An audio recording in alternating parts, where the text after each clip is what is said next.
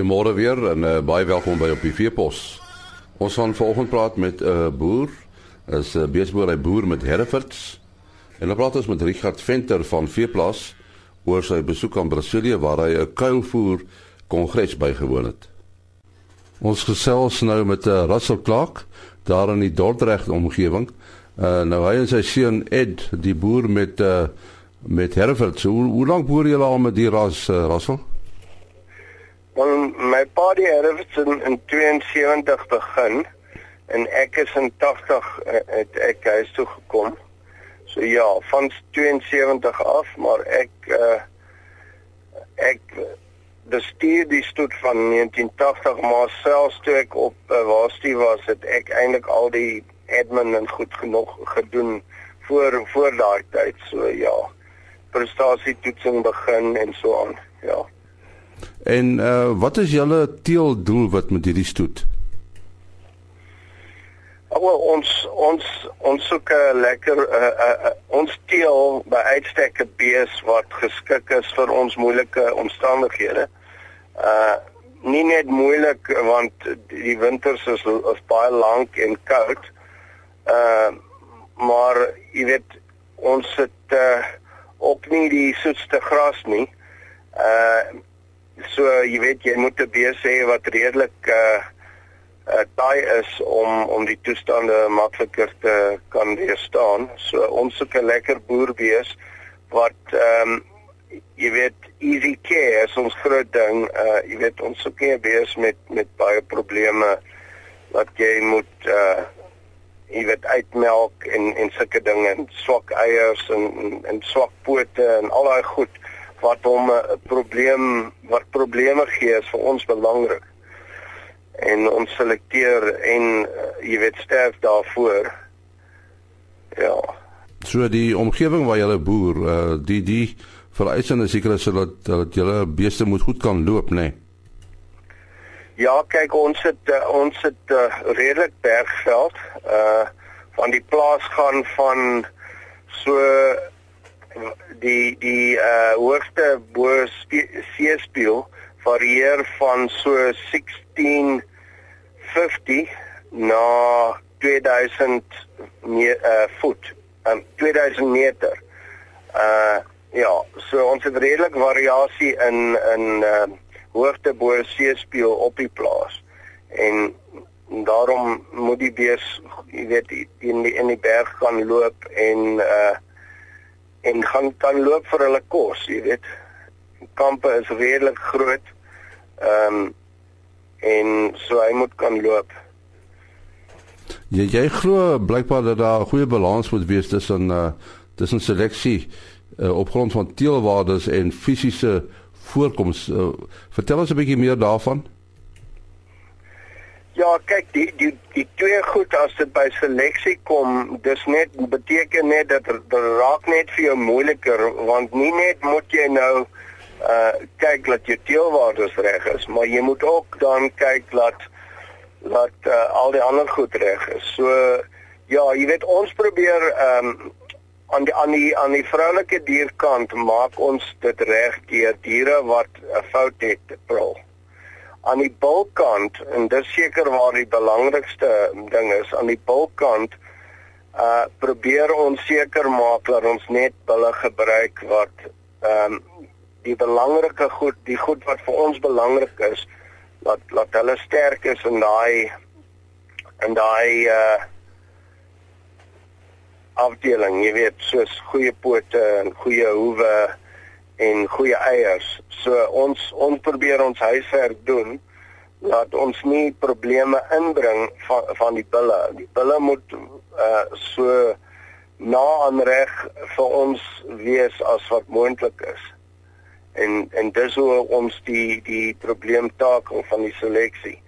Uh wat die teelwaardes betref, ehm um, gebruik ons tegnologie om ons te help om uh die beste parings te maak en en as ek dit sê dan gebruik ons uh, GenePro uh wat 'n uh, gedeelte is van BeefPro. Uh en ons gebruik dit dan om vir ons um ons bulle te rankeer volgens elke koe in die in die kudde. So ons kry 'n keuse. Sê nou ons het 6 bulle en ons doen print dan 'n kraakkaart wat wat die vir jou elke koe se bulle in orde van ehm um, hulle geskiktheid om daai koe se se swakpunte reg te maak van 'n teelwaarde oogpunt af. Russell, hoe groot is jou stoet? Man ons het uh, die Hereford stoet, ons gaan so 100 en, net onder die 150 koeie laat kalf per jaar en die toelies is net oor 150. So ja, nou, die stoederye is is redelik groot. Uh, wat nodig is om jy weet jou seleksie doelmatig te kan doen.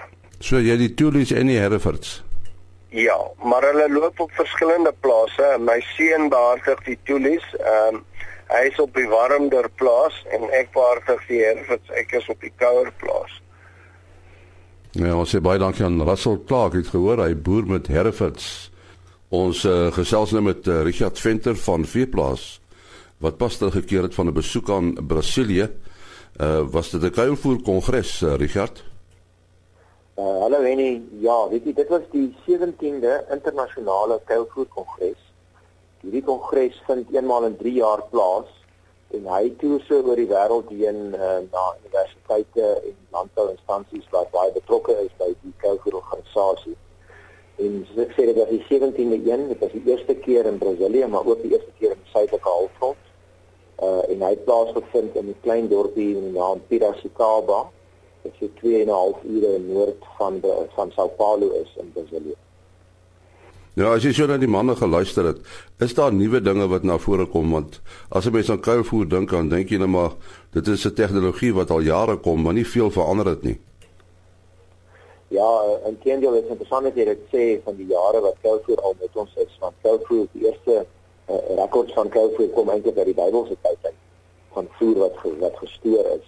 Ehm um, maar ja, uh, en dit eintlik baie uh, daar's eintlik baie nuwe dinge en as ek so vinnig deur 'n paar van onderwerpe kan gaan wat dan nou daar bespreek is, um, dis nogal werklik indrukwekkend wat die internasionale Koufie gemeenskap, die navorsingsgemeenskap uh, vandag lewer.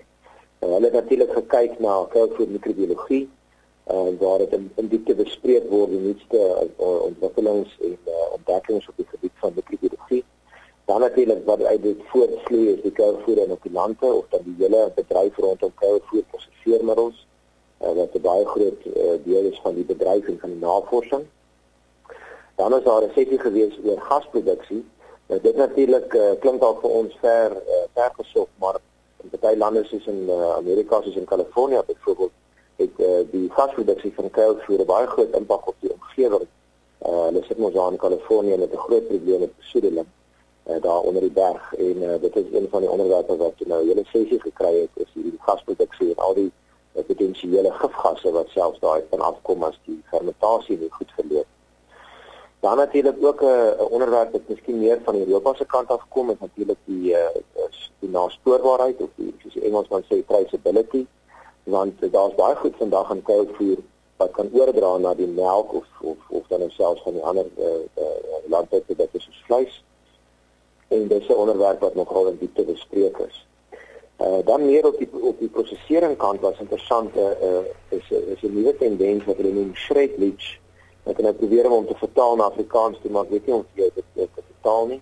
Maar shred leach is basies 'n ander manier hoe om kuilvoerplante op te sny waar hy meer geskeur word soos wat die naam aandui en nie net so skoon gesny word nie. En wat eintlik daardeur bereik word is ons kry 'n langer vesel maar tog uh, verloor ons nie uh, van ons kompaksie vermoë nie weet uh, want as ons gewoonlik net langer sny dan sukkel ons om koue te kompakteer.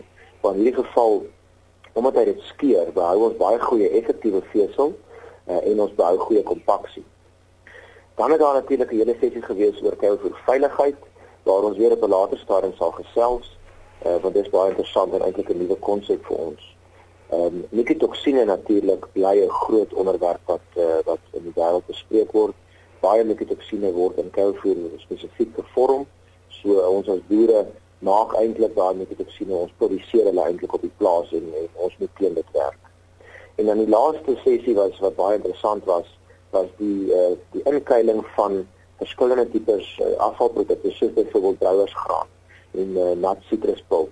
Nou ons het in Suid-Afrika ook die behoefte om hierdie seisoonaal geproduseerde produkte soos byvoorbeeld uh, sitruspulp suksesvol te kan inkuil en um, dit is iets wat baie interessant is. Hulle is hulle is geneig om die goed te meng met ander gewasse soos byvoorbeeld mieliekoue en dan hierdie mengsels in te kuil en, en dit lyk of daar nog baie uh nuwe dinge daar uitkom wat vir ons baie positief kan wees. En en die inkuiling, is dit maar nog in bankers en in die soort van ding? Ja, weet jy, nie, eh, ek dink bankers bly maar die die die beste en die gewildste vorm reg oor die wêreld, maar dit is ook so dat die die hoogte bo op die grond is vinnig aan die toeneem bloot omdat ons nie die kapitale uitleg het vir daai hoogte nie. Maar wat ons baie meer op sien of see is is verskillende vorms van die sogenaamde silo bags wat gebruik word vir cow food En die Amerikaners natuurlik gebruik nog die kuilvoertorings. Ehm um, op baie plase in Suid-Afrika sien ons nog die ou sementkuilvoertorings van die ou dae. Ehm um, hulle het dit natuurlik vervang met moderne silo-tipe kuilvoertorings wat van sink gemaak is waar 'n kuilvoer gestuur word baie suksesvol met sy eie in- en uitlaai toerusting. Uh, dit is iets wat ons nog glad nie in Suid-Afrika het nie, maar maar dit lyk of dit nog gewild is vir see. Dit was uh, Richard Venter van Veeplaas dan wat gesels het oor die Kuivoer Kongres wat hy bygewoon het.